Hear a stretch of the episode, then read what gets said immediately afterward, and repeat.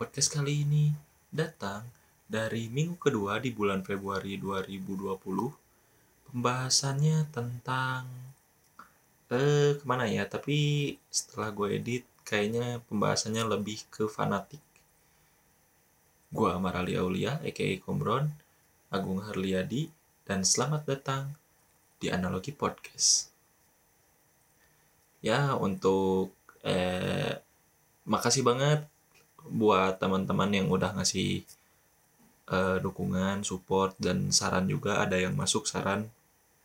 Katanya podcastnya ada visualnya. Ya ada visualnya cina. Katanya biar biar nggak bosan katanya cina. Pembahasannya udah menarik alhamdulillah. Udah dapat pujian pembahasannya menarik bagus. Cuman uh, ada request pengen ada visualnya. Ya mungkin dia ngelihatnya kayak Deddy Kobuzer ya ada visualnya. Cuman kalau kita kan dari dari segi gear dari kamera eh, dari kamera mic juga masih yang mikrofon nih mikrofon eh ya, mikrofon ini masih yang harga 11 ribuan gitu kan. Eh, terus memori juga kita cuman punya yang 16 giga itu pun yang 80 mega megabyte per second. Jadi setiap setengah jam sekali atau setiap 20 menit sekali itu suka mati sendiri e, daripada sering loss jadi kita untuk sekarang untuk sekarang e, ya emang konsepnya sih sebenarnya dari awal ya dari awal podcast ini ada dari awal e, channel ini ada kan emang landasannya dari rebahan. Jadi gimana caranya kita dapat dapat ilmu tapi dari rebahan. Jadi adalah podcast ini gitu. E, kita diskusi kita ikut berpikir walaupun kita rebahan tapi otak kita itu nggak kram ya gara-gara kebanyakan rebahan. Buat kalian-kalian kaum rebahan jadi e, untuk sekarang ya pokoknya kalian dengerin aja kalian boleh ngapain aja e, sambil dengerin podcast ini. Mau sambil beres-beres rumah mau sambil nyuci piring, mau sambil nyetrika, mau sambil nyetir motor, tapi hati-hati nyetir motor, nyetir mobil daripada nanti kalian ngantuk. Ya, kalian bisa dengerin podcast ini. Insya Allah kita masih muda, banyak banyak bercandanya, tapi omongannya juga serius. Uh, insya Allah bermanfaat ya pokoknya ambil headset kalian dengerin sekarang sambil rebahan santai enjoy dengerin sampai akhir biar sekalian semua ngerti oke? Okay? ya oke. Okay. silahkan menikmati. Itu mereka mencoba ngorbitin satu ustad. Jadi kayak apa ya? Direkam ya? Ya nggak apa-apa. Jadi jadi kayak gini lah nawarin kamu misalnya uh, agak enak penjelasan kamu mau nggak jadi kita buat komunitas kamu hmm. jadi ustadznya misalnya hmm. kita yang yang gembor-gemborin sebar-sebar videonya gitu. akhirnya nanti kita yang dakwah kita yang terkenal gitu. itu salah satu kekurangan jadi uh, ustadz-ustadznya akhirnya ya ustadz-ustadz tarikan gitu kan nggak dilihat tuh dari kompetensinya kayak gimana kemampuannya kayak gimana. Makanya kan kebanyakan pusat akhir zaman metodologi cocok logi ya. Iya sih. Kayak gitu. Tapi kayak sempit banget ki. Kan saya pernah baca novel tentang apa sih waktu M alu lama banget. Dia tuh nyeritainnya gini. Dia tuh waktu selama hidupnya dia soleh rajin ibadah sering buat. Maksudnya antara hubungan vertikal dan horizontalnya kan. Tuhan dengan manusia tuh seimbang lah. Dia masuk surga. Setelah dia masuk surga dia merasa kok ada yang kurang? Apakah cuman ini tujuan saya untuk beribadah gitu? Saya masuk ke surga saya bisa menikmati semuanya akhirnya kan ketika kita bisa menikmati semuanya tanpa ada aturan larangan kan akhirnya kenikmatan yang muncul itu kan tidak terasa. Ya kan? Dia dia mengeluarkan apakah saya masuk ke surga hanya karena saya masuk apa saya rajin ibadah hanya karena ini? Gitu. saya bisa dikelilingi bidadari saya makan apa aja apakah cuman ini? Gitu mending saya dihidupkan lagi ke dunia. Itu di novelnya bilang gitu. Mending saya dihidupkan lagi di dunia saya merasakan nikmatnya beribadah saya merasakan nikmatnya berzikir. Saya merasakan nikmatnya bersosial dengan manusia yang lain. Menjalani dan menyelesaikan suatu masalah. Kayaknya saya lebih merasakan surga itu berada di sana. Ternyata bukan di sini. Karena hidup saya saya merasakan stagnanisasi gitu yang ter yang datar aja katanya. Akhirnya kan yang saya lihat yang ditawarkan dari gerakan-gerakan itu kan ya sahabat antil jannah gitu ya. Apakah cuman sampai ke situ doang? Gitu kan. Jadilah kamu jadi kan kayak kita bertiga nih. Kamu jadi sahabat saya kita sama-sama menolong dalam kebaikan gitu kan. Wa ta'awanu 'alal birri wat taqwa gitu ya. Supaya kita sama-sama bisa masuk surga saling tolong menolong. Cuman yang jadi pertanyaan saya itu kan set- saya setelah baca novel itu waktu di pondok saya kayak ya kalau cuman itu berarti kita tidak revolu kita tidak visioner dong. Maksudnya setelah surga apa nih? Apakah ada kehidupan setelah surga gitu kan? Ya enggak enggak gimana gimana juga. Tapi Ki, teman-teman kamu banyak gak yang masuk ke gitu kalau teman pesantren mah jarang sedikit sih. Cuman banyaknya teman-teman di luar pesantren banyak. Maksudnya teman luar pesantren yang maksudnya em emang cuman persisnya kultural atau gimana? Kalau teman pesantren mah kan kalau kajiannya juga kajian udah memang ngaji benar-benar ngaji dari gak tahu pisan sampai agak dalam gitu. Jadi kalau misalnya ke kajian-kajian pemuda hijrah kayak gitu kan. Sifatnya global dari kajian-kajian pemuda hijrah mah Ah, kajian-kajian kisah kayak gitu yang kayak gitu. Jadi jarang sih. Tapi kadang saya mikirnya gini loh. Kalau misalnya hanya sebatas kan yang marak di kajian-kajian di gerakan itu kan fikih kan? Fikih bukan? Fikih sama tauhid kan kalau fikih fikih mah jarang sih banyaknya ke akhlak iya gitu Hmm. tapi yang saya lihat teman-teman saya yang masuk pamflet-pamfletnya kayak gitu bahas tentang fikih Nah itu mah nanti gini yang ngaji-ngaji fikih itu yang udah mulai nyadar ada harus ada kajian lanjutan. Hmm. Makanya nanti kalau misalnya dibuat ya, Hmm. dibuat siklusnya pemuda hijrah, terus nanti masuk ke kajian-kajian salafi kayak ke Ustadz Hoiba Salama, Abdul Somad, Ustadz Adi Hidayat. Kenapa? Karena nanti pembahasan-pembahasan mereka udah mulai agak dalam kan. Beda kayak misalnya Ustadz Epi Effendi, Ustadz Anan Ataki. Yang sifatnya teh cuman numbuhin semangatnya aja gitu. Udah pada semangat kan? Akhirnya ya tadi masuknya. tapi di antara itu ya saya tidak bukan tidak bukan tidak setuju sih saya memandang Ustadz Adi Hidayat sama Ustadz Abdul Somad itu bukan Ustadz untuk mereka Wah, mereka pin cerdas banget mereka berdua. Saya suka dengarnya.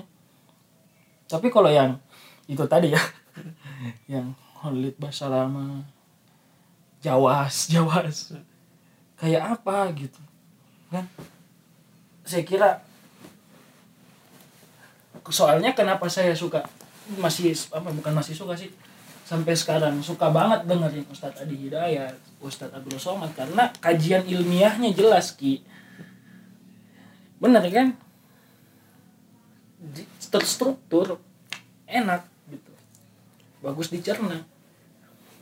Jadi menurut saya gini ki, kamu sebagai mahasiswa yang kadang mengedepankan rasional kadang juga yakin ketika dihadapkan dengan ceramah yang kayak gitu kamu bisa nggak tiba-tiba menerima dengan keyakinan kamu? Enggak kan? Kalau kenapa saya lebih memilih mendengar Ustadz Adi Hidayat sama Ustadz Abdul Somad?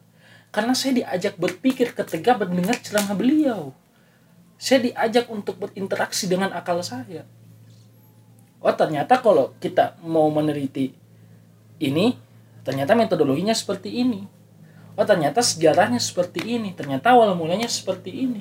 Akhirnya kita cari referensi yang lain kan? Yang paling saya suka dari Ustadz Adi Hidayat tuh kalau beliau sebutkan su- surah nomor 2 ayat nomor sekian.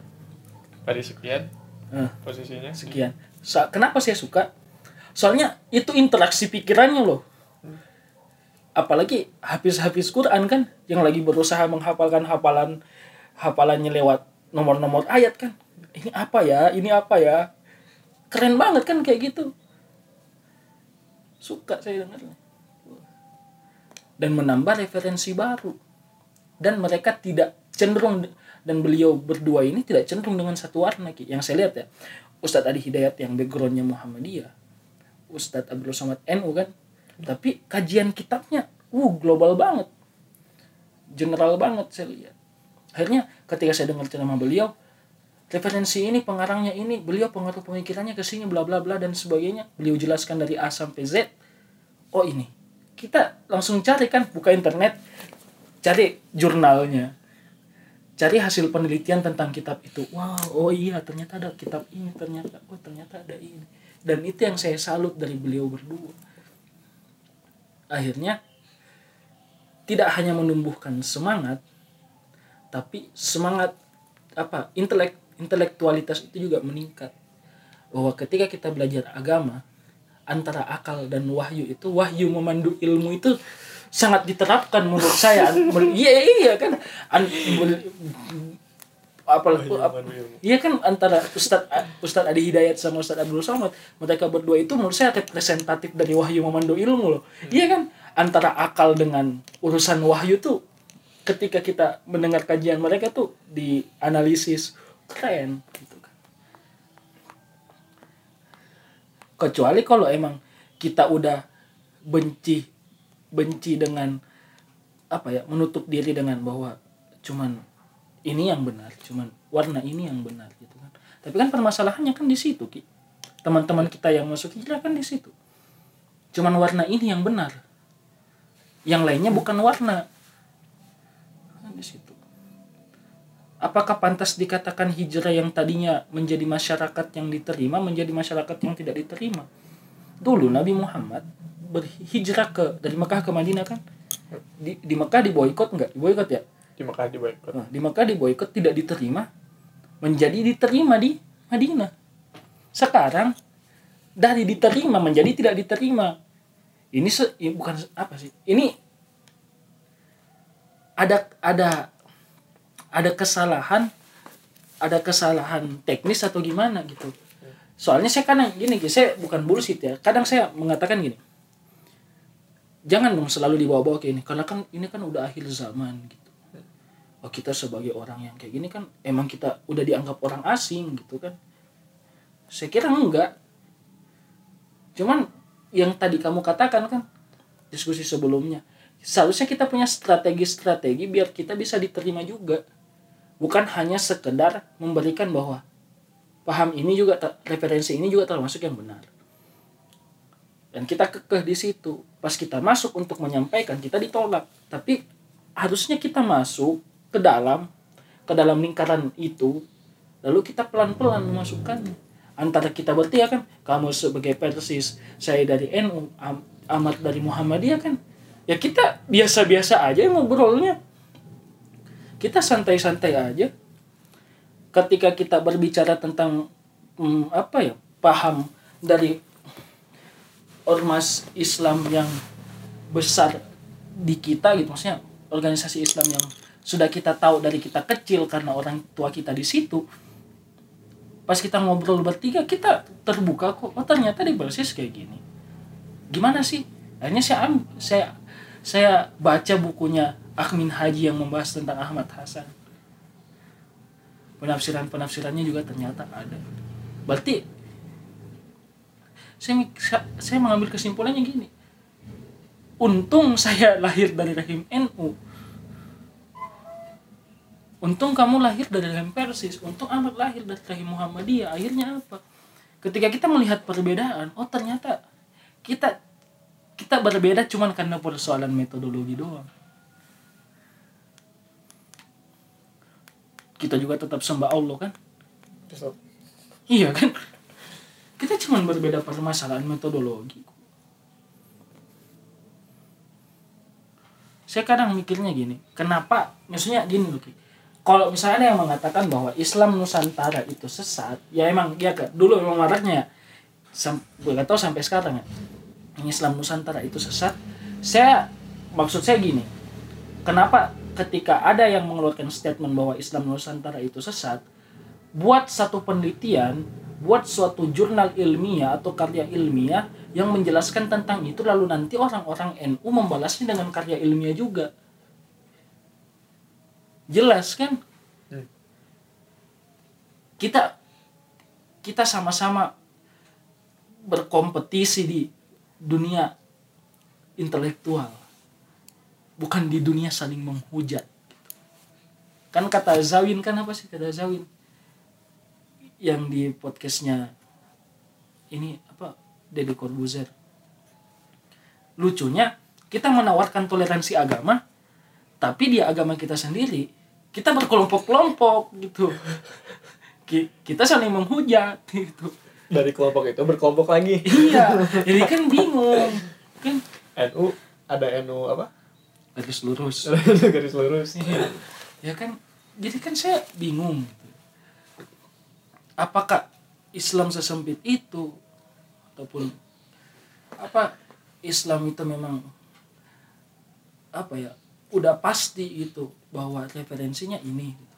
tapi kan kadang sih kamu sepakat Giki maksudnya padahal kan yang kita pegang sekarang yang kita pelajari sekarang yang kita terapkan sekarang apakah itu hasil perspektif itu hasil perspektif kan?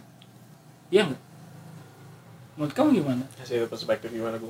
Maksudnya maksudnya ya kayak karya-karya imam misalnya kitab-kitab kayak fikih ataupun ini kan dengan metodologi yang berbeda menghasilkan sebuah perspektif. Lahirlah karya gitu kan. dengan referensi yang kuat dengan dalil yang kuat. Itu perspektif kan kamu yang sholatnya kayak gimana? Yang begini atau yang begini?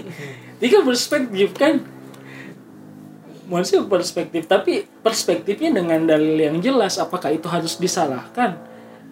Apakah cuma satu yang benar? Oh tidak kita tidak bisa menjudge itu. Tapi ya udahlah gitu. Ketika berbicara masalah gerakan pemuda hijrah. Ya saya lebih setujunya dengan statement Pak Soleh kemarin. Bahwa kenapa nggak ditamain namainya pemuda taubat? Hijrah lebih cocok itu kayaknya. Soalnya gini Ki. Menurut saya yang hijrah itu ya kita kita bertiga ini adalah yang hijrah. Kenapa saya bilang yang hijrah? Kita dari rumah ke pesantren gitu. Iya kan? Itu hijrah kan dari bersama orang tua menjadi tidak bersama orang tua untuk mengkaji ilmu agama. Gitu. saya kira itu hijrah. Kamu berapa tahun hijrah lagi? Enam tahun kan? Biasanya enam tahun di pesantren. Berarti kamu hijrah kan? Ya ngapain kamu masuk pemuda hijrah? Kamu udah di pesantren enam tahun. Itu kan? Terus cuman ya udahlah bodoh amat lah sama itu kan.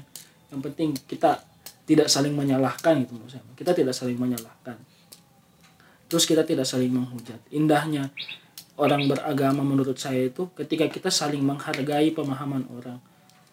Dan kita kita saling menghargai pemahaman orang dan tentunya mereka masih menyembah Allah. Itu aja sih. Tapi bukan itu yang saya mau tanyain ke kamu Ki. tapi yang masalah bukan masalah sih. Tentang Ahmad Hasan soal pendiri Persis ya? Bukan. Bukan. Bukan kan dengan beliau itu Ahmad Hasan kenapa pertanyaan saya tadi yang mendasar ya. kenapa Persis itu cuman gede di Jawa Barat Ya. kenapa cuman di Jawa Barat jadi PSS itu kenapa cuman gedenya ter- terutama gedenya pusatnya di Bandung ya Ya. sebenarnya awal-awal eh, awal-awal didirikannya Persis itu wibawa paling bukan paling bukan paling itu ya salah satu ormas yang memiliki wibawa besar itu Persis. Hmm. salah satunya. Selain NU Muhammadiyah. Karena lewat beberapa kadernya. Terus nanti ada ada fase-fase. Dari awal pendirian sampai sekarang. Dari awal eh, didirikannya sebelum kemerdekaan. Sampai kemerdekaan. Itu masih punya wibawa besar terus nanti ada masuk ke zaman orde baru. Nanti di orde baru kan kenapa NU jadi ormas terbesar di Indonesia? Salah satunya nanti pengaruh orde baru. Karena orde baru nanti NU itu ormas Islam paling warag paling kenyang gitu di orde baru. Karena apa? Karena kedekatan dengan dengan Soekarno. Persis gimana? Persis orde terkhusus baru atau orde, orde lama? Eh orde lama orde lama orde lama. Persis gimana persis terkucilkan. Terutama dengan adanya perselisihan antara Soekarno dan Muhammad Nasir. Gitu. terus nanti ada lagi pengaruhnya eh, dengan Kiai Kiai Haji Ansori. Nanti Isa Ansori itu di Masyumi kendaraan politiknya. Tapi nanti ada perang juga sama Soekarno bahkan nanti bahkan dulu tuh ya kalau Soekarno ke Bandung Hmm.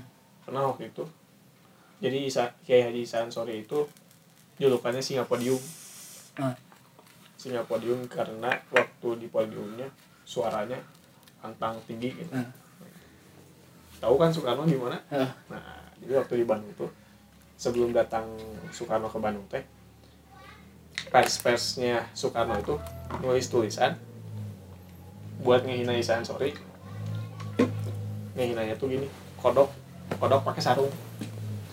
Karena? Karena kan santri Hmm. maksudnya santri buduk ya kan santri gitu.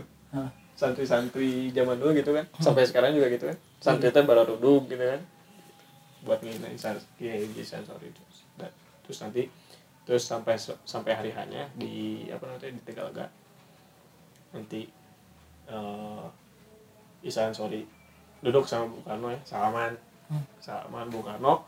Naik ke atas podium Hmm. nyerang pemikiran Isa Ansori dengan dengan pidatonya dengan orasinya. Ramai itu ya. Hmm. orasi Bung Karno teh gimana? Dibalas lah sama Isa Ansori pas naik ke podium. Balas lagi serang lagi pemikiran Bung Karno. Jadi dulu tuh kayak gitu. Eh, si pro, di si dia eh bukan ya, si apa namanya perang pemikiran antara yang persis terlibat di mana itu. Dia di orde lama tuh gitu. Akhirnya terkucilkan lah ya. Hmm. persis anu udah kan kita orde lama runtuh orde baru terkenal dengan apa namanya? Dengan kediktatorannya kan. Ya dengan apa namanya? Teh nah di situlah disebut bahwa organisasi yang paling warog di zaman orde baru itu Muhammadiyah nah di mana posisi persis? Di posisi persis teh punya ketua umum namanya Kiai Haji E. Abdul Rahman. Waktu itu ada apa namanya teh wajib gini tiap organisasi itu eh, harus berdasarkan Pancasila deh oh yang ada undang-undangnya ya? Waktu zaman undang-undangnya. iya waktu gitu kan. Apa namanya teh? Apa lagi pokoknya harus berdasarkan pancasila dia. Hmm. nah, persis itu gak mau. Persis teh gak mau apa namanya ngeganti nilai dasar perjuangannya jadi pancasila. Karena apa? Karena memegang teguh berdasarkan pada prinsip Al-Quran Sunnahnya. Akhirnya ada sebutan politik isolasi dari ketua umum itu persis itu teh. Itu maksudnya persis menolak pancasila itu sebagai nilai dasar perjuangannya dia menolak pancasila sebagai ideologi atau sebagai apa? Sebagai sebagai asas organisasi. Hmm. bukan sebagai bentuk negara. Bukan sebagai asas negara gitu. Ya. jadi ya udah weh. Pancasila buat negara tapi persis jangan disentuh-sentuh ke sana gitu. Karena ini mau organisasi dakwah gitu sama pendidikan. Tapi persis tetap maksudnya mereka menolak tapi tetap maksudnya memberikan sinergitas dengan memberikan kontribusi gitu maksudnya terhadap negara. Nah justru dari politik isolasi itu untuk mengamankan alasannya untuk mengamankan tadi ya mengamankan idealisme Persis yang jangan sampai terkontaminasi dengan apa namanya kepentingan-kepentingan politik. Hmm. akhirnya di dijauhin we dari dari pemerintah. Bahkan gini bantuan dari pemerintah teh ditolak uang dari pemerintah ditolak terus. Bahkan uang dari timur tengah juga ditolak waktu itu. Udah weh jadi kalau misalnya emang disebut apa orang sufi teh Hmm. ujlah Hah. ujlah pasti. Di zaman orde baru. Karena apa? Karena tadi untuk bertahan menjadi suatu organisasi di zaman orde baru itu ya tadi harus menerima konsekuensi itu dan persis menolak akhirnya ada pernyataan haram hukumnya orang persis eh, terlibat lagi politik. Kayak dulu kan apalagi aktivis-aktivis yang alumni persis banyak banyak banyak yang dipenjara dari zaman orde baru sama orde lama tuh. Itu karena mereka men- itu cuman karena mereka menolak Pancasila? Atau emang maksudnya gini saya kira ketika ingin memajukan suatu idealisme itu politik pun juga ikut berperan menurut saya. Karena kan ber, berbenturan dengan sistem ya. Oke. cuman kan ketika hari ini maksudnya karena ke- waktu kemarin tuh Persis menolak hal itu. Persis merasa sakit hati dengan negara atau dia merasa bahwa ketika dia tidak menyentuh politik mereka merasa apa ya ada muncul gini. Bahwa mereka yang ikut berpolitik ormas yang lain ikut berpolitik itu tidak benar saya yang benar gitu. Atau mungkin mereka cuma membatasi diri bahwa kami tidak ikut berpolitik kita cuma fokus ke pendidikan saja ke kajian keilmuan saja. Lebih membatasi diri. Soalnya kenapa? Soalnya nanti gini eh, ini juga selain untuk melindungi melindungi apa namanya nilai-nilai dasar yang telah ditumbuh yang telah dibangun dari dulu. Hmm. ini juga untuk melindungi persis dari pembubaran. Pembubaran karena? Pembubaran paksa kan banyak. Oh iya. ormas ormas ormas ormas ormas dulu organisasi organisasi dulu terancam bubar. Contohnya Mas Yumi bubar. Dibubarin orang. SI SI bubar. Kan sok lagi bubarin semua. Apalagi orde orde baru mah kan sok ya. Gitu. Jadi makanya kalau disebut apa namanya teh sekarang memang lagi mencari bentuk baru dari gerakan baru PSS yang memang lagi nyari itu. Karena memang proses transisi dari politik isolasi PSS dulu itu untuk kembali lagi ke ranah yang lebih luas lagi itu butuh apa butuh pendidikan kadar yang lama itu butuh proses lagi tapi ketika Persis menolak maksudnya membatasi diri dengan hal itu maksudnya dalam hal ini politik ya. Hmm. kontribusi keilmuan yang dihasilkan Persis apa aja? Kontribusinya? Kontribusinya dari penyebaran pesantren. Pesantren. Pesantren. Karya ilmiah yang dikeluarkan Persis ada nggak? Tulisan-tulisan. Ada. Kayak tulisan ini. Eh Abdul Qadir Hasan banyak. Cuman memang tidak se fenomenal para pendahulunya ya. Ya cuman terus ini tafsir Sunda teh ada di nama di lab IAT teh ditulis tafsir Sunda. Ya Ustadz Komarudin Soleh gitu. Ah, itu itu. Ya, itu orang Persis. Hmm. tapi kembali lagi ya Ki, ya maksudnya apakah penolakan kemarin pembatasan diri kemarin itu salah satu penggagasnya Ahmad Hasan bukan? Kan itu jauh sebelumnya berarti. Udah itu udah udah zaman orde baru.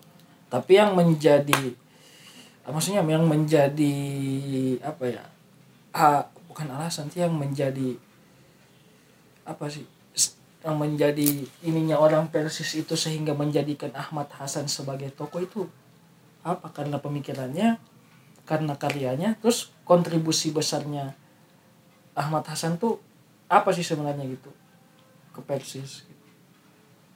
Karena kan beliau kan bukan orang Nusantara kan? Bukan maksudnya jangan bilang Nusantara bukan orang Indonesia kan? Ya. dari Singapura. Apa yang menyebabkan Ahmad Hasan tertarik dengan Persis? Apakah di Singapura ada Persis? Sebenarnya gini kita mulai dari awal mulanya Ah- Ahmad Hasan dulu di Singapura. Di Singapura itu eh, sebenarnya udah nggak terlalu asing dengan kajian-kajian yang dibawakan oleh Persis sekarang eh di di kajian-kajian yang dibawa oleh Persis di kemudian hari Hmm. ada namanya apa ya di Singapura itu Muhammadiyah gitu apalah gitu lupa lagi saya Hmm. nah cuma artinya udah nggak asing tuh ya nah cuma waktu pindah ke Surabaya dulu Hmm. sebelum pindah ke Bandung tuh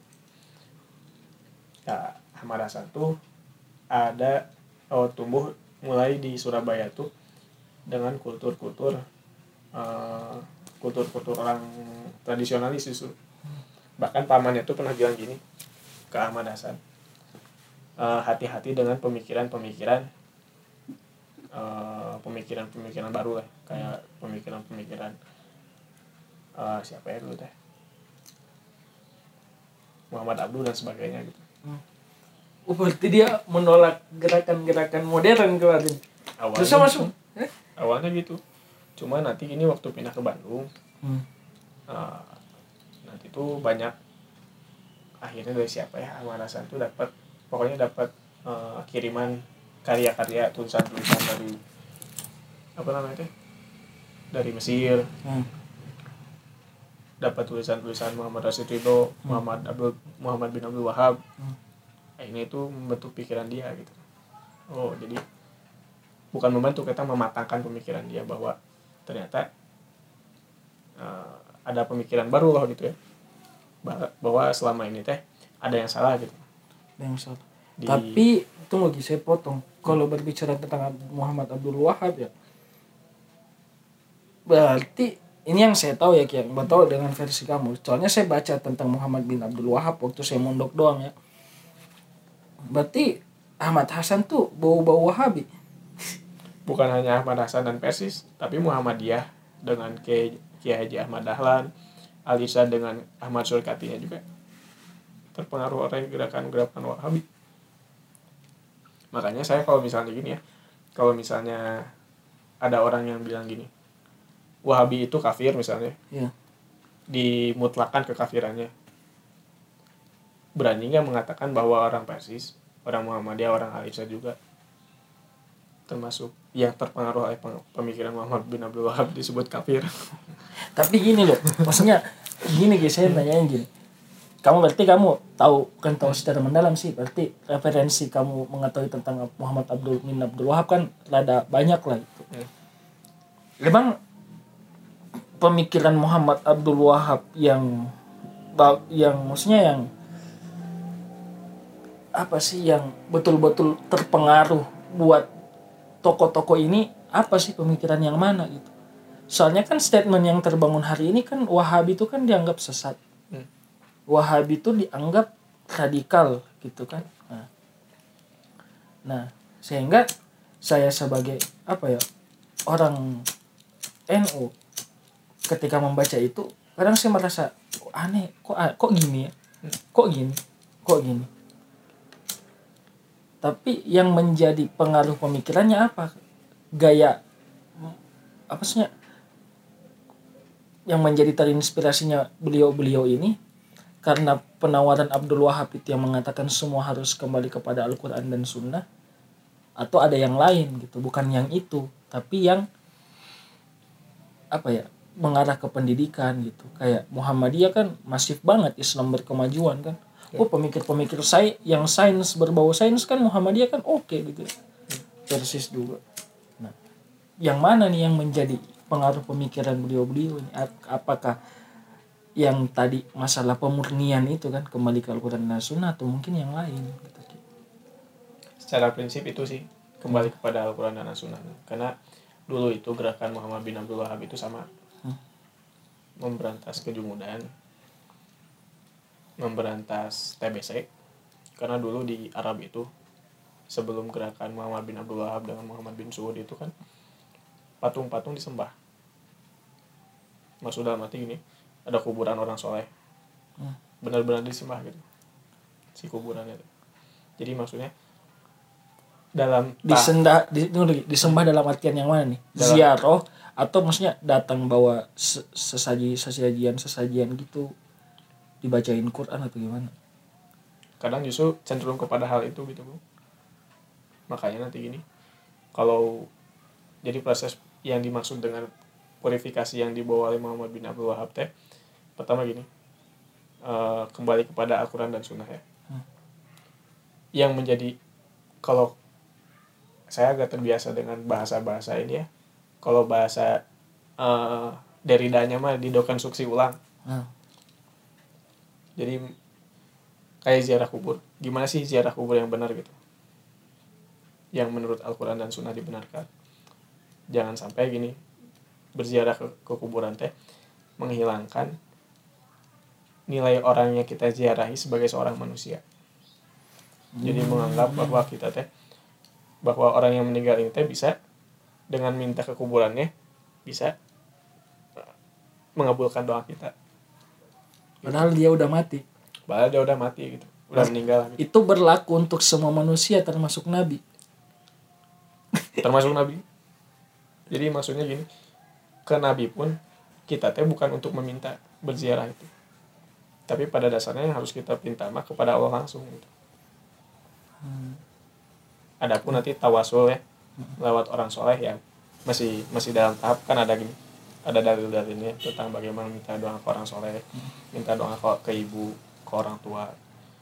Terus bagaimana kita eh, saling mendoakan satu sama lain. Terus ada dalil apa namanya teh kita teh bertawasul dengan amal kita. Kita untuk hal yang seperti itu masih diperbolehkan. Cuma gini kalau misalnya perlu di soalnya dulu belum ada ini ya. Belum ada penelitian. Jadi kalau kita buat penelitian masuk kali di Indonesia aja ya sok. Sekarang penelitian. Kan banyak yang datang-datang ke makam-makam wali. Pada dasarnya benar gitu. Untuk berziarah cuma nanti ketika di sana tuh akan ditawarin gini. Sok bayar segini eh, nanti tulis doanya nanti doanya disimpan itu nanti bisa jadi terkabul. Atau misalnya kita lihat di masa-masa pemilu misalnya ada orang yang berziarah ke wali dengan tujuan biar terpilih ya kan hal-hal yang seperti itu yang, oh berarti yang di yang ditolak sama Muhammad bin Abdul Wahab itu praktek-praktek yang ditambah-tambahkan gitu ya nah itunya Ya, oh iya. benar benar benar benar. Cuman kan saya kan pernah enggak sih, saya ngerasanya enggak kok. Waktu saya eh, ziarah kubur ke makamnya Wali Songo, saya ke hmm, Mbah Khalil, Khalil Bangkalan di Madura. Enggak kok. Saya datang ke sana, sholat dua rakaat, sholat isya ya, sholat isya sholat dua rakaat. Saya ngaji, bacain beliau yasin, saya kirimin al-fatihah, pulang. nah itu mah kamu orang lain mah belum belum tentu kayak gitu Hah? yang maksudnya orang lainnya belum tentu kayak gitu gitu belum tentu sama kayak kamu kan karena kebanyakan kayak gini lah Eh, untuk untuk orang awam ya dalam tahap dalam tataran orang awam. Ketika kita bertemu dengan orang yang terkenal aja masyhur sok lihat ya. Hmm. ketemu sama Ustadz Abdul Somad aja atau sama Ustadz Adi Hidayat sok lihat kadang ada yang nyium tangannya itu berlebihan. Gitu gitu gitu, gitu. Kan padahal sebenarnya mereka juga manusia gitu. Ustadz Adi Hidayat manusia Ustadz Abdul Somad juga manusia. Yang justru masih bisa berlaku salah gitu kan justru dengan perlakuan seperti itulah nanti menjadi bumerang tersendiri buat mereka. Apa ketika mereka melakukan kesalahan. Oh iya benar benar. kayak contoh kemarin Ustadz Abdul Somad kasus perceraiannya kan. Coba lihat gimana tidak dihinanya gitu Ustadz Abdul Somad sok Itu karena terlalu mendewakan sih sebenarnya. terlalu mendewakan. Cuman kan kalau menurut saya pribadi ya, maksudnya proses maksudnya ziarah kubur itu ya yang ditolak Muhammad bin Abdul Wahab memang praktek-praktek yang ditambah-tambahkan kan. Kalau saya tuh mungkinnya gini kayak proses tawasul misalnya. Ziarah kubur. Saya sholat dua rakaat dulu di masjid. Kan emang rata-rata makam wali kan di masjid ya. Rakaat dulu di masjid terus ke sana. Saya baca doa saya kirimin semua al-fatihah. Orang-orang soleh termasuk beliau waktu itu. Terus setelah itu baru saya sampaikan keinginan saya. Hmm. kalau saya kayak gitu. Soalnya saya masih percaya gini ki. Yang hilang tuh jasad. Ruhnya enggak. Boleh jadi ruhnya yang mendengarkan saya lalu disampaikan ke Tuhan gitu. Saya mempercayai itu. Kalau menurut Muhammad bin Abdul Wahab atau menurut kamu sebagai orang Persis itu sah-sah saja atau gimana? Saya mempercayai itu. Maksudnya itu cuman jasad. Itu cuman bentuk gitu hasil dari olahan tanah. Tapi saya percaya bahwa ruh ruh beliau ruh ruh mereka orang-orang soleh ini akan mendengar kiriman al-fatihah saya lalu menyampaikan apa yang saya inginkan misalnya. Apakah itu termasuk praktek kufarat menurut? Persis. Itu sebenarnya pembahasannya bakalan jauh lagi ya. Iya. Bakalan lebih dalam soalnya gini nanti gini. Pembahasan. Nanti akan, akan sampai kepada pembahasan antara perbandingan mazhab mazhab syafi'i dan mazhab hambali nanti ke sananya kenapa nanti mazhab syafi'i itu akan kental dengan nuansa-nuansa tasawufnya. Ulama-ulamanya nanti bakal eh, apa namanya bakalan banyak bersentuhan dengan tasawuf. Dan ulama ulama-ulama eh, Hanabilah atau Imam Hambali mazhab Hambali itu kebanyakan ulama-ulama hadis yang banyak yang banyak saling mengkritik lah di antara keduanya. Bahkan nanti gini Ibnu Al Jauzi itu eh Ibnu Hajar Al Asqalani itu pernah ngebantah ya, pernah apa ya pernah ngekritik siapa ya? Ulama mazhab Hambali. Kritikannya tuh keras gara-gara si ulama ini tuh yang kritik tentang tasawuf. Gimana ya saya lupa lagi ada catatannya di binder eh cuman nggak dibawa. Artinya apa? Untuk sekelas ulama mah eh, kritik-kritik hal seperti itu teh udah terbiasa. Udah biasa terjadi. Cuma nanti gini masuk ke dalam ranah masyarakatnya mungkin nanti akan lebih apa ya akan berbeda perspektifnya cuman mau dilanjut ke sana atau mau kembali kepada topik pembicaraan pemikiran Muhammad bin Abdul Wahab Enggak ke, ke situ dulu Ki. Soalnya ini ya saya masih rada ambigu ya. Soalnya kan ya jelas gitu ya. Kemarin filsafat ditolak karena ulama fikih. ya Tasawuf ditolak karena ula- ulama hadis ya. Iya. Alasan mereka tertolak itu gini loh. Maksudnya gini. Alasan amalan-amalan itu tertolak karena itu tidak ada dalam teks. Karena kan yang dimaksud sama maksudnya maaf, maaf nih ya. Maksudnya sama orang-orang Persis sama orang-orang yang kayak pemikirannya Muhammad bin Abdul Wahab kan karena itu tidak tercantum di teksnya, tidak ada teksnya kan. Apakah standar kebenaran itu yang dibuat sama orang-orang yang pendahulu kita Muhammad bin Abdul Wahab itu harus ada teksnya dulu baru dikatakan benar. Atau gimana? Padahal kan manusia juga itu kan adalah apa ya buku-buku yang hidup loh referensi-referensi yang bisa berjalan kata saya. Bisa berjalan dengan sendirinya. Dia bisa lalu lalang ke mana-mana kan apakah standarnya di situ gitu? Maksudnya standarnya harus ada teksnya atau gimana? Jadi kalau misalnya berstandar kepada pertanyaan tadi ya. Iya. Jadi kenapa muncul eh, jargon aruju ila ila Quran wa sunnah? Hmm. karena waktu itu yang menjadi dasar eh, dalil itu adalah kaul ulama yang tanpa di tanpa tanpa di ini gini. Tanpa di dipikirkan bahwa ini benar atau salah. Akhirnya apa? Masyarakat jadi jumud udah masyarakat jumud nanti praktek-praktek yang diterapkan oleh ulama-ulama tersebut itu makin ke sini makin ke sini justru makin justru bukan hanya ide, bukan jadi identik kepada pendapat ulama itu justru nanti malah jadi malah jadi aneh hmm, nah, penyimpangan penyimpangannya tuh gitu. akhirnya apa? Akhirnya nanti banyak banyak kayak gini contohnya eh, metode kias yang dilakukan oleh Imam Syafi'i. Kan kias digunakan oleh Imam Syafi'i mah dalil Al-Qur'annya dan sunnahnya gimana pendapat sahabat gimana dan ini kasusnya ini seperti apa ya kan?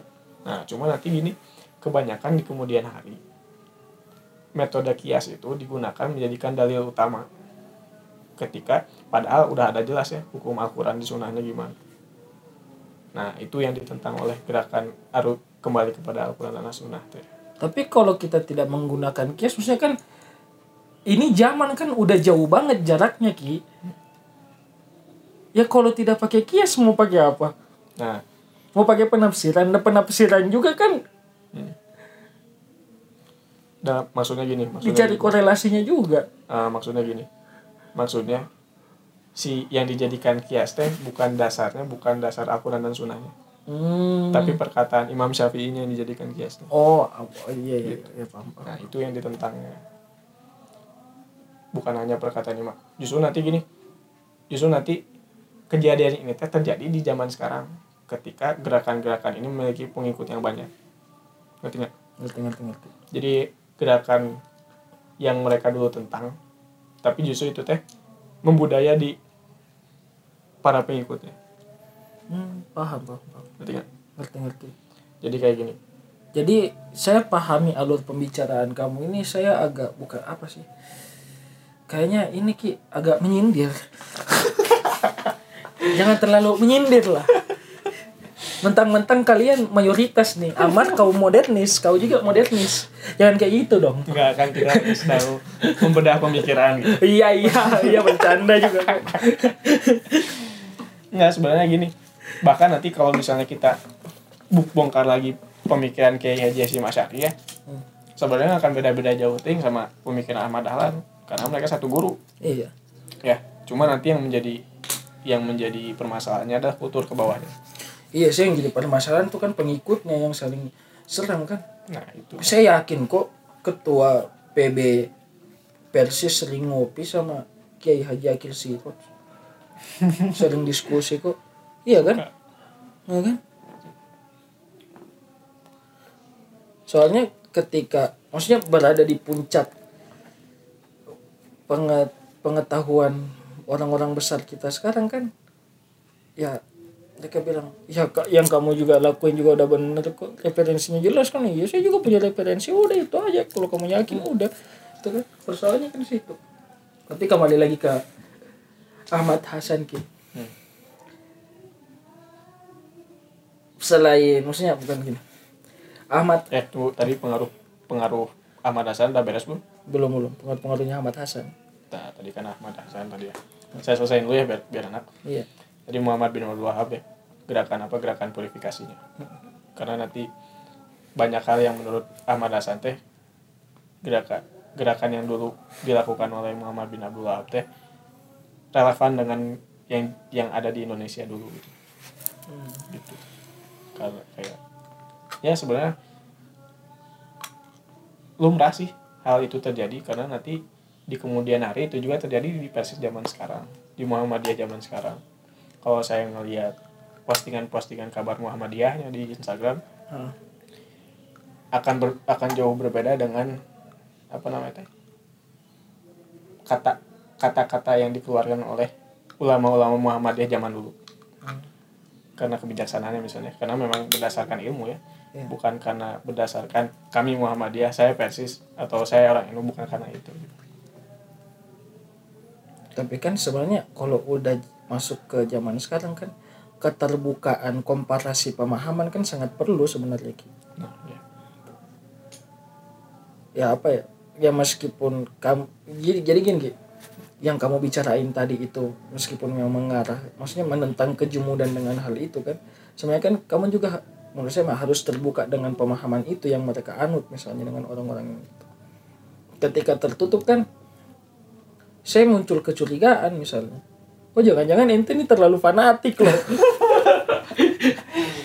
Nah, kalau misalnya pernyataan itu saya bantah juga ya. Saya bantah dengan pernyataan bahwa kalau saya apa namanya teh?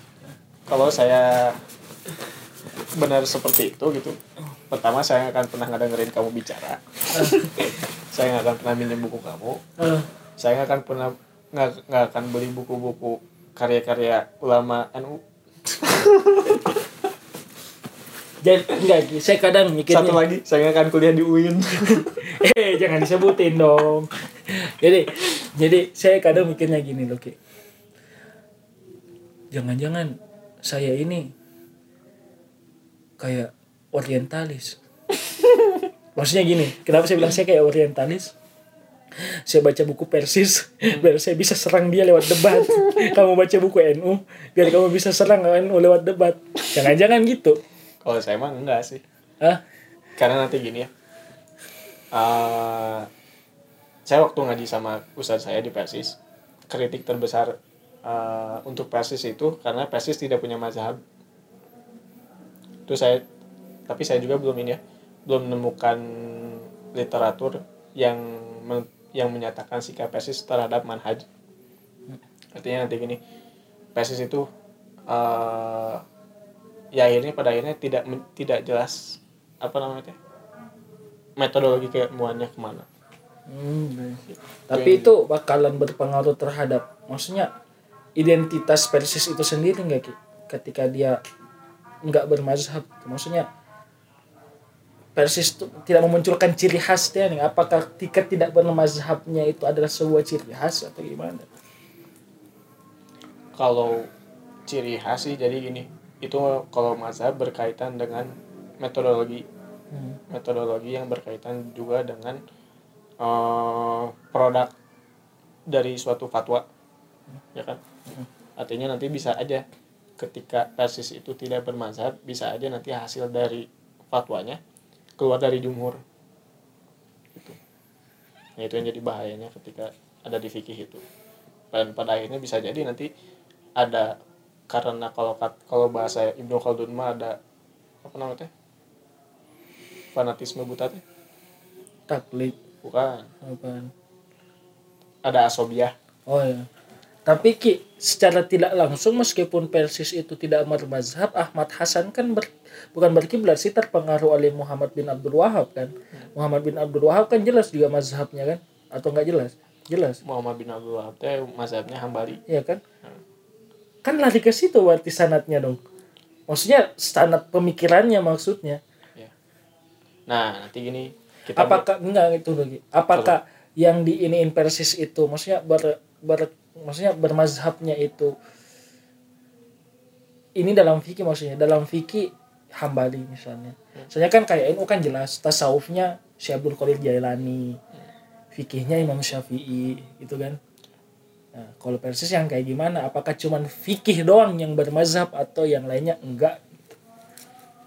Nah nanti nanti sebenarnya itu akan pengaruh itu tuh akan jauh se- sesudah Ahmad Hasan. Hmm. jadi nanti gini persis saya nanti pecah pada dua. Pecah kepada dua teh nanti jadi ini persis Bandung sama persis Bangil. Bangil? Yang di Jawa Timur? Jawa Timur. Masih ada sampai sekarang? Masih ada sampai sekarang. Hmm. kalau persis Bangil nanti ngikutin Ahmad Hasan yang nanti fikihnya berubah bercorak. Kebanyakan karya-karya Hambali. Hmm. jadi bisa disebut nanti sanadnya ke mazhab Hambali.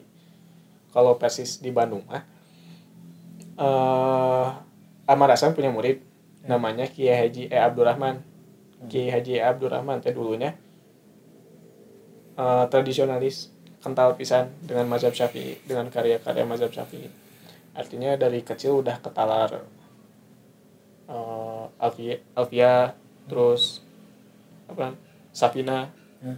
yang udah udah dari kecil udah ketalar itu teh gitu.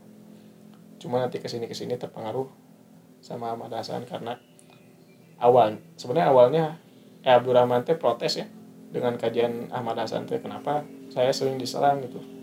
Akhirnya karena ikutan terus ikutan terus akhirnya jadi muridnya we bukan berarti Kiai Haji Abdurrahman menyalahkan. Anu? Ya, jangan ketawa dong. Bukan. Enggak, enggak, enggak juga sih sebenarnya. Karena nanti banyak juga.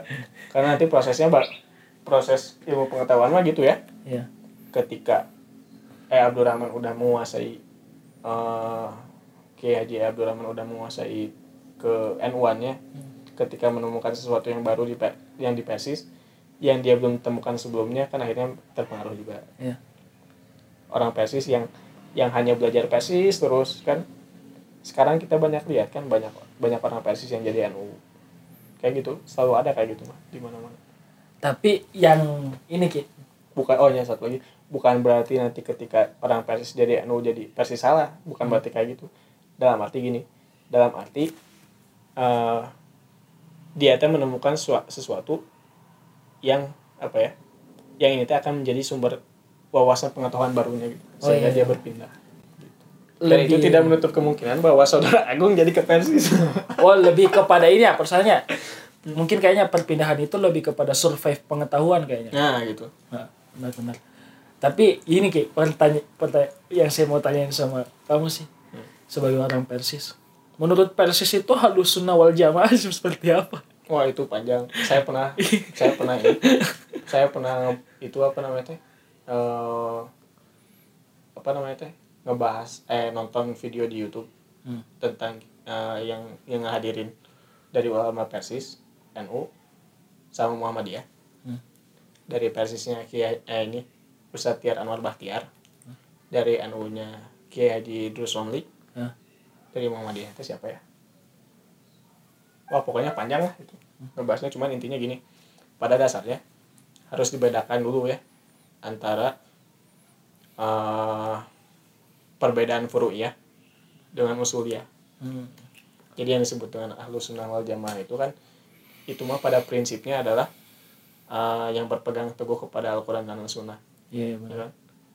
NU apakah termasuk termasuk karena dasar mazhab yang dipegang oleh NU kan berdasarkan Al-Quran dan Sunnah nah itu jadi yang selama masih berpegang kepada Al-Quran dan Sunnah itu disebut dengan ahlu sunnah wal jamaah Menurut Persis kayak gitu. Kayak gitu. terus yang disebut ahlul bid'ah Ya. yang seharusnya disebut ahlul bidah itu bukan bukan NU Hmm. tapi orang-orang Khawarij orang-orang Syiah misalnya. Orang-orang eh, Mu'tazilah. Itu yang yang yang yang seharusnya disebut ahlul bidah itu. Jadi bedakan antara ahlul bid'ah dengan perbuatan bid'ah. Kalau perbuatan bid'ah mah belum berarti bukan berarti dia ahlul bid'ah ya. Dia ahlul bid'ah berarti seluruh seluruh prinsip hidupnya usulnya furunya adalah nya bidah bidah unggul kayak apa namanya kayak hawarij sok lihat hawarij itu ingkar sunnah kan Iya, iya. Syiah menolak hadis-hadis dari sahabat cuma dari Ali aja yang diterima kan itu ingkar sunnah ya. atau atau misalnya eh Syiah eh bukan Syiah Mu'tazilah Hmm. kan menolak menolak teks-teks hadis nah itu yang disebut yang seharusnya disebut ahlu ahlu bid'ah teh. Jadi ada kesalahan juga. Bukan kesalahan sih. Jadi makin ke sini makin ke sini kan fanatik itu semakin kental ya. Nah akhirnya yang di bawahnya itu ribut. Semena-mena gitu bilang NU-nya ahlul bidah. Persis. Persis. Ahlul hak padahal banyak juga bid'ahnya. Enggak, tapi Ki, yang bikin saya sebenarnya maksudnya gini loh. Emang sih sekarang tuh fanatik tuh kental banget ya. Iya. Gak kayak dulu-dulu. Cuman saya tuh kayak pengen ngerasain kayak dulu Ki waktu SD kamu sering ingat gak Mar waktu SD kamu lebarannya kapan? Saya tanggal sekian. Ah lebaran Muhammadiyah. Kan dianggap sebagai apa ya? Hal yang biasa aja gitu tapi tidak enak kan. Saya kadang ngerasanya saya, saya kayak waktu waktu kecil ya kayak gitu waktu SD saya sampai ikut lebaran dua kali loh. Ya saya ikut ziarah juga ke teman-teman saya yang Muhammadiyah kan yang di Makassar. Saya ziarah juga ke sana saya ikut makan kan. Saya ngerasain oh ternyata karena perbedaan ini memunculkan perut yang kenyang gitu kan. Perbedaan berarti perbedaan itu emang rahmat kan. Munculnya di situ kan. Maksudnya saya memandangnya secara realistis gitu ya. Bahwa setiap oh, itu apa keilmuan punya metodologinya masing-masing gitu. Cuman yang apa apalagi eh yang pemikiran Ahmad Hasan itu yang menjadi apa yang monumental banget Ki, bagi orang-orang Persis tuh. Itu apa aja gitu. nanti coba ya eh, dari karya karya ada buku tanya jawab Ahmad Hasan dua jilid Nah. terus Ari Salah Ari Salah teh nanti isinya tentang oh ini tanya jawab dulu tanya jawab teh isinya. Jadi ada seputar tanya jawab yang nanti eh, isinya tuh menjawab pertanyaan-pertanyaan umum yang terjadi di masyarakat. Ya, nanti dibuat satu buku bukunya itu. Terus tentang kebangsaan ada ini Islam dan kebangsaan. Oh. bukunya. Terus ada karya sastranya juga. Apa ya namanya buku nggak ada namanya sih cuman transkrip biasa banyak dulu sama Rasan tuh buku-bukunya terus apa lagi ya Eh, Al Furqon kitab tafsir Iya. buat tafsir Al Furqon Oh, iya ya ada ada tafsir Al-Qur'an. Satu nih Ki. Pertanyaan saya. Kenapa harus di Bandung? Terus Kenapa gimana? harus di Bangil? jadi dulu tuh dulu dulu teh kan memang Ahmad Hasan pindahnya ke Bandung. Iya. nah pendiri PSIS itu orang Bandung orang Palembang yang tinggal di Bandung. Hmm. ngadain kajian kajian itu dia nanti disebut dengan per- yang yang cikal bakal persis teh akhirnya dinamain persis we, di Bandung. Akhirnya besarnya juga di Bandung. Ngebangun pesantren pertama di Bandung. Pesantren saya. Hmm. terus nanti eh, murid-muridnya juga besarnya di Bandung meskipun kebanyakan dari orang Sumatera Hmm. Muhammad Nasil dari Pak dari Padang Hmm. Kiai Sansori dari Padang Tapi ini ya maksudnya ketika sebenarnya ini kan apa ya obrolan-obrolan kayak gini kan menurut orang kan sensitif ya ya untuk orang-orang sekarang obrolan-obrolan ketika kita berbicara paham-paham setiap ormas itu dianggapnya sensitif gitu. Menimbulkan perpecahan. Cuman yang membuat saya apa ya menganggap itu biasa-biasa aja kan ketika kita berbicara seperti ini kamu dengan gaya persisnya saya dengan gaya NU nya gitu akan memunculkan sebuah gagasan menurut saya. Ada sebuah komparasi di situ. Yang menyebabkan maksudnya loh kita kita tinggalin aja lagi ya. Maksudnya dari Ahmad Hasan saya mah cukup lah. Saya cari sendiri nanti referensinya. Yang menyebabkan kita fanatik akan hal itu apa sih sebenarnya? Sehingga ket- ketika kita berdua dan sama Amal bertiga membahas tentang paham-paham ini di Indonesia kenapa selalu dianggap sensitif? Kenapa selalu dibawa kepada perpecahan gitu? Kenapa itu dianggap sensitif sampai kan kadang teman-teman saya bilang gini kalau bukan organisasi ini yang gede di Indonesia kayaknya Indonesia nggak bakalan aman deh. Cuma kan itu kan berarti berarti pengklaiman berarti ya. Menurut saya itu pengklaiman cuman ketika kita lari kita tarik ke ke akad, apa penelitian ke ranah-ranah akademik kok itu sebagai hal yang menimbulkan perpecahan sih? Padahal kan ketika kita mengkaji ini kan ini persoalan wawasan loh. Ini persoalan membuka cakrawala pengetahuan kita loh. Tapi kenapa kita menolak akan hal itu? Apakah karena ada faktor faktor-faktor politik atau bagaimana sebenarnya? Menurut kamu gimana Ki? kenapa kita kenapa sekeliling kita bisa fanatik dengan hal itu? Jadi bisa jadi ini ya kalau menurut saya dari pendidikannya juga.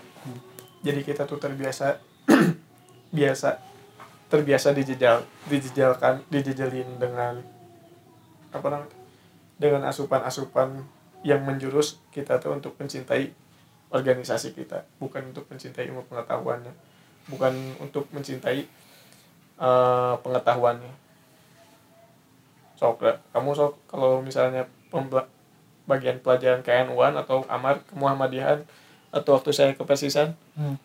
yang diajarin apa? Iya sih.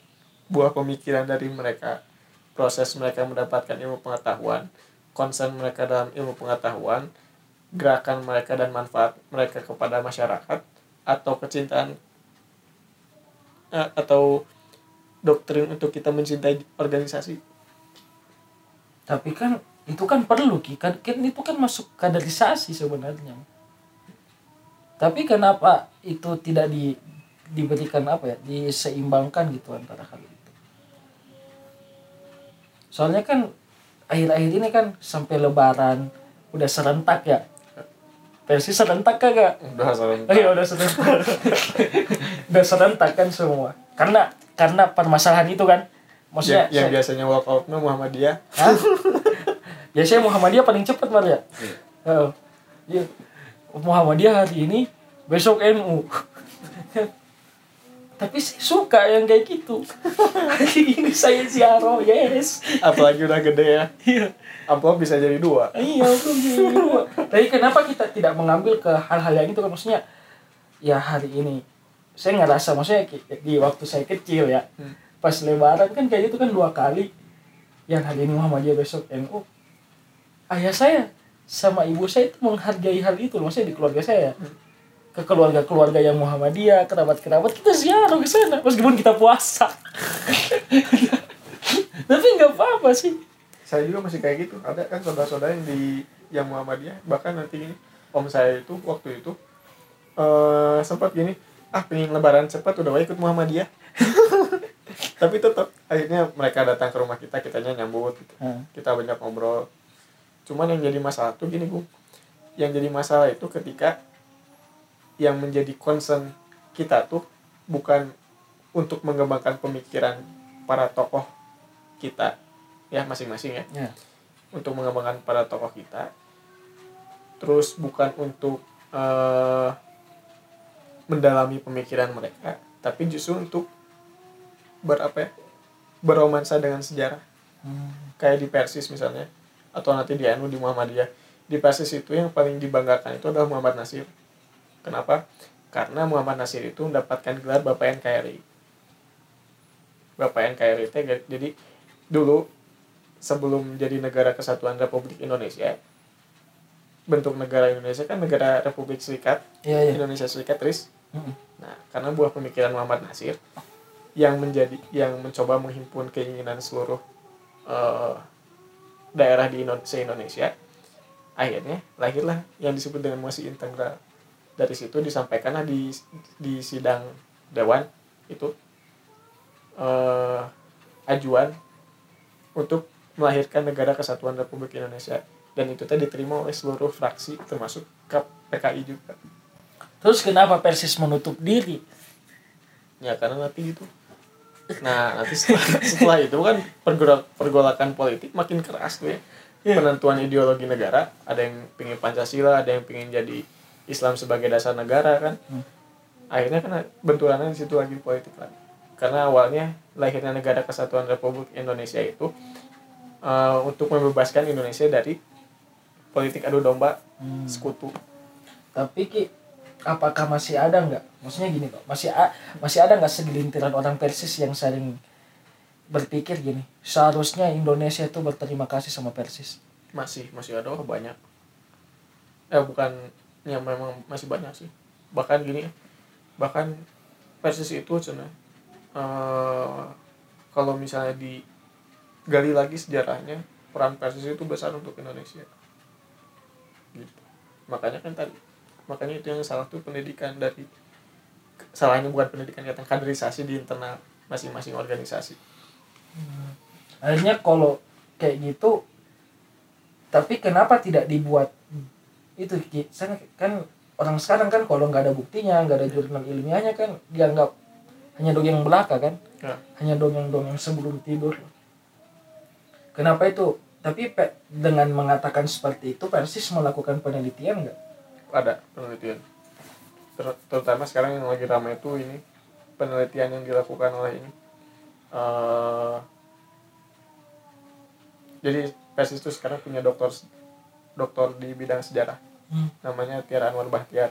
Banyak nanti karya-karyanya yang nulis peran-peran Persis dari awal sampai dari awal akhir sampai sekarang. Terus eh, beliau juga pernah apa namanya itu yang ngebantah pernyataan Ah- Ahmad Mansur Surya Negara Ah. yang apa namanya? Penulis api sejarah. Eh, ngebantah yang di buku api sejarah kan dibilangin bahwa Ahmad Hasan itu pindah ke Bangil itu gara-gara kalah debat. Ya. sama sama Ustadz Tiara Anwar Bahtiar itu dibantah. Bahwa tidak ada buktinya Ahmad Hasan itu kalah debat. Jadi intinya untuk memperkuat bahwa Ahmad Hasan itu belum pernah kalah dalam debat gitu. Tapi ada nggak? Maksudnya Muhammad Natsir ini emang betul-betul pure dari Persis atau dia sempat ke Masyumi dulu, ke SI dulu. kalau jadi ini karir perjalanan beliau itu dominan dominannya dominannya banyak terpengaruh oleh Persis termasuk di termasuk oleh Ahmad Hasan. Cuma nanti guru politiknya nanti Kiai Haji eh ini Haji Agus Salim. Hmm. terus nanti punya guru lagi eh Ahmad Surkati dari Al Al Irsyad yang yang nanti ngebuat konek eh, apa namanya teh? Bukan koneksi. Apa tuh? apa namanya teh? Kalau hu- aduh Bahasa sederhananya. hubungan hubungan hubungan dengan Timur Tengah Hmm. yang jadi punya banyak relasi di Timur Tengah gitu lewat nanti Ahmad Surkati Gitu. bahkan nanti Muhammad Nasir itu pernah pidato di pembukaan pesantren pesantren saya yang yang, yang dulu saya di itu ya, Hmm. waktu pembukaan Muhammad Nasir yang nyampe gitu sebelum nanti gini jadi banyak eh, banyak menimba ilmu di Persis cuma nanti gerakan politiknya geraknya di Masyumi Muhammad Nasir Hmm. lewat wadah Mas Yumi. Terus nanti ada pertanyaan, kenapa Muhammad Nasir mem- mendirikan Dewan Dakwah Islam Indonesia (DDI) Hmm. tidak kembali ke Persis?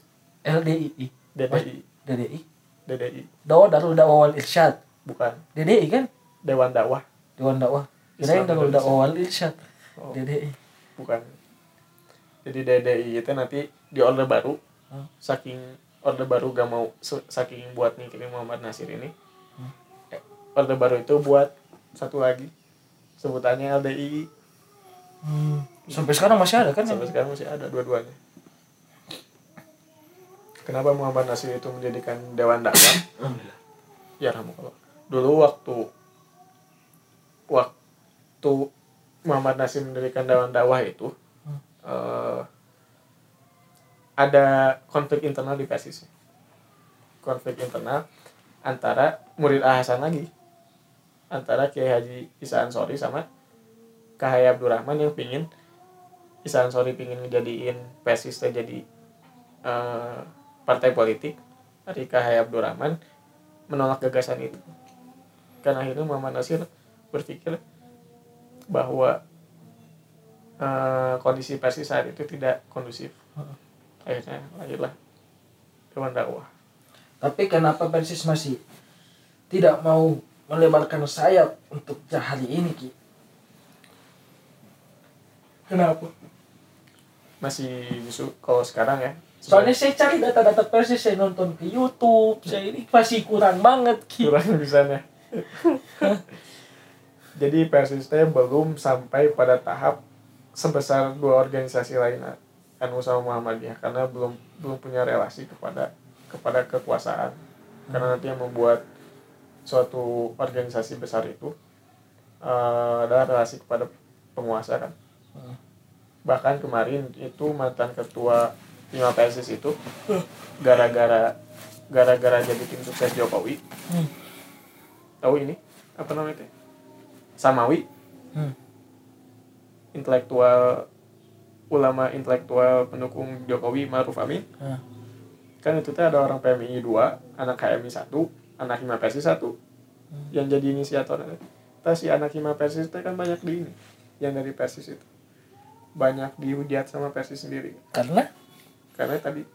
Karena justru ini di grassroots uh, PSI sendiri masih belum sampai pada tahap berpikir mereka tuh uh, untuk kembali melebarkan sayapnya masih berpikir bahwa mereka tuh harus udah we diam di zona nyaman mereka dengan tidak bersentuhan dengan pemerintah tapi kan itu kan bisa dijadiin batu loncatan.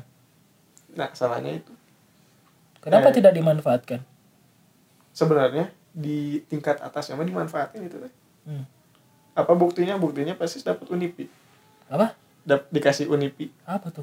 Universitas Persatuan Islam sama Jokowi? Tahu nggak? Berarti sekarang lagi ngebangun. lagi ngebangun. Dia dapat unipi kemarin. Kemarin hampir-hampiran dapat rektor unpad persis teh. Gara-gara ini. Salah satu salah satu calon rektor unpad teh kan ini.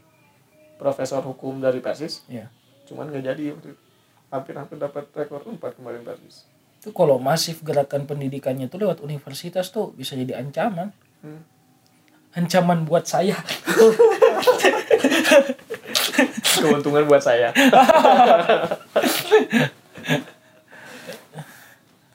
Berarti sekarang kamu ini Ki merasa bahwa Persis itu adalah singa yang lagi tertidur? Semacam gitu lagi lah. Oh anjir sombong amat aja ya kan NU sama Muhammadiyah udah udah jadi apa ya? Udah jadi apa namanya udah, jadi budak-budaknya ini kastil kerajaan. Kampret Dimat sensor ya Marnya? Sensor. Parah eh. jangan sampai komentar kita full hujatan semua nih. Aduh maaf ya internet. Enggak ini kan cuman kita cuman analisis doang. Cuman ada bercanda. Tapi sekarang juga PSIS ada kemungkinan kayak gitu akan mengikuti dua organisasi besar itu kalau memang benar-benar ngedekatin kekuasaan.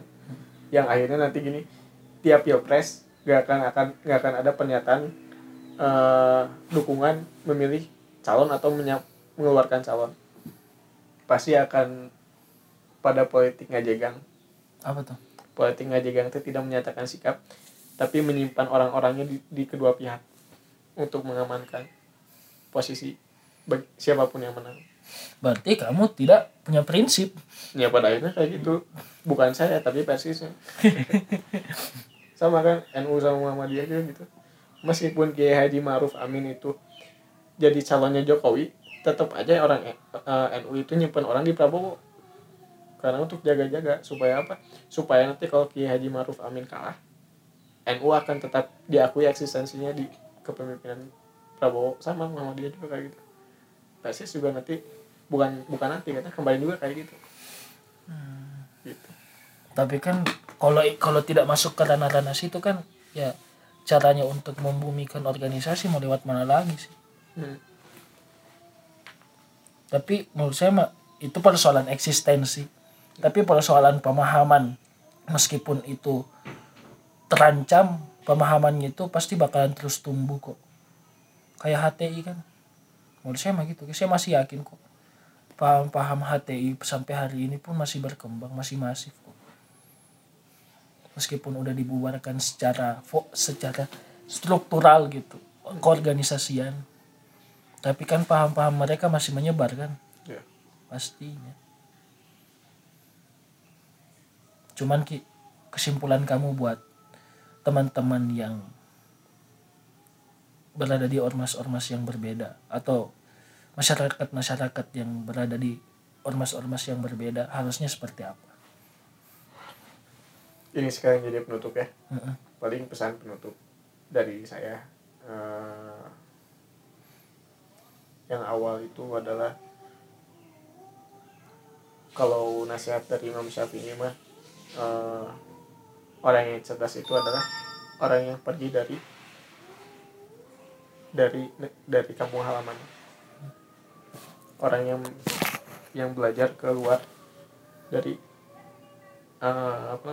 Zona nyamannya. zona nyamannya. Pokoknya keluar dari dari negerinya aja.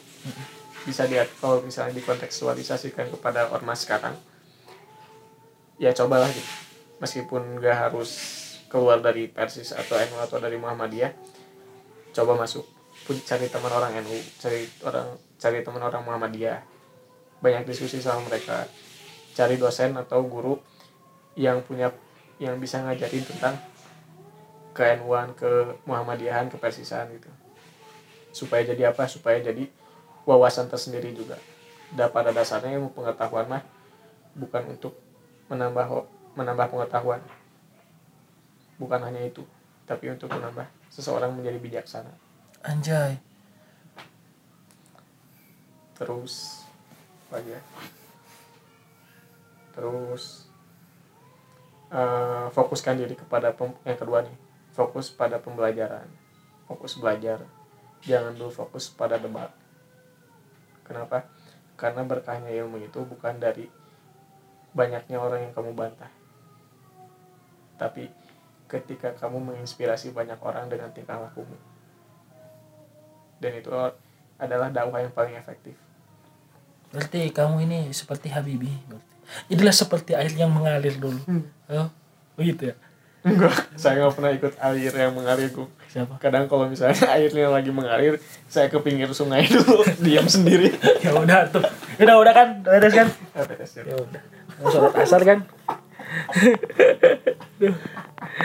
Aduh ini aja udah satu jam. Satu jam lagi? Wah